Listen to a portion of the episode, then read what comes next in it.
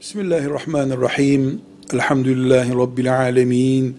Ve salatu ve selamu ala Resulina Muhammedin ve ala alihi ve sahbihi ecma'in. Kur'an'ımız erkekleri etkili ve yetkili diye öne çıkardığı zaman Nisa suresinde çünkü erkekler harcama yaparlar buyuruyor. Dolayısıyla evde kaç çocuk olursa olsun, evin nüfusu ne olursa olsun bir evi geçindirmek bizim dinimizde erkeğin görevidir.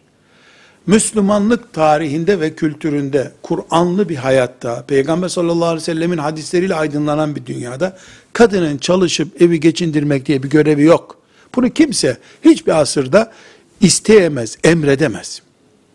Eğer ev, erkek evlenmeden önce kadının çalışmasına izin verdiyse, çalışabilirsin, para biriktirebilirsin dediyse, onun nikahtan önceki verdiği sözde kadın çalışıyor, helal bir işte tabi, çalışıyor, para kazanıyorsa şimdi getir elektrik parasını öde diyemez. Kadın kendine biriktiriyordur. Kadın erkek aralarındaki muhabbetle birbirlerinin canlarını birbirlerine feda ederler ayrı bir mesele. Zorunluluk yoktur.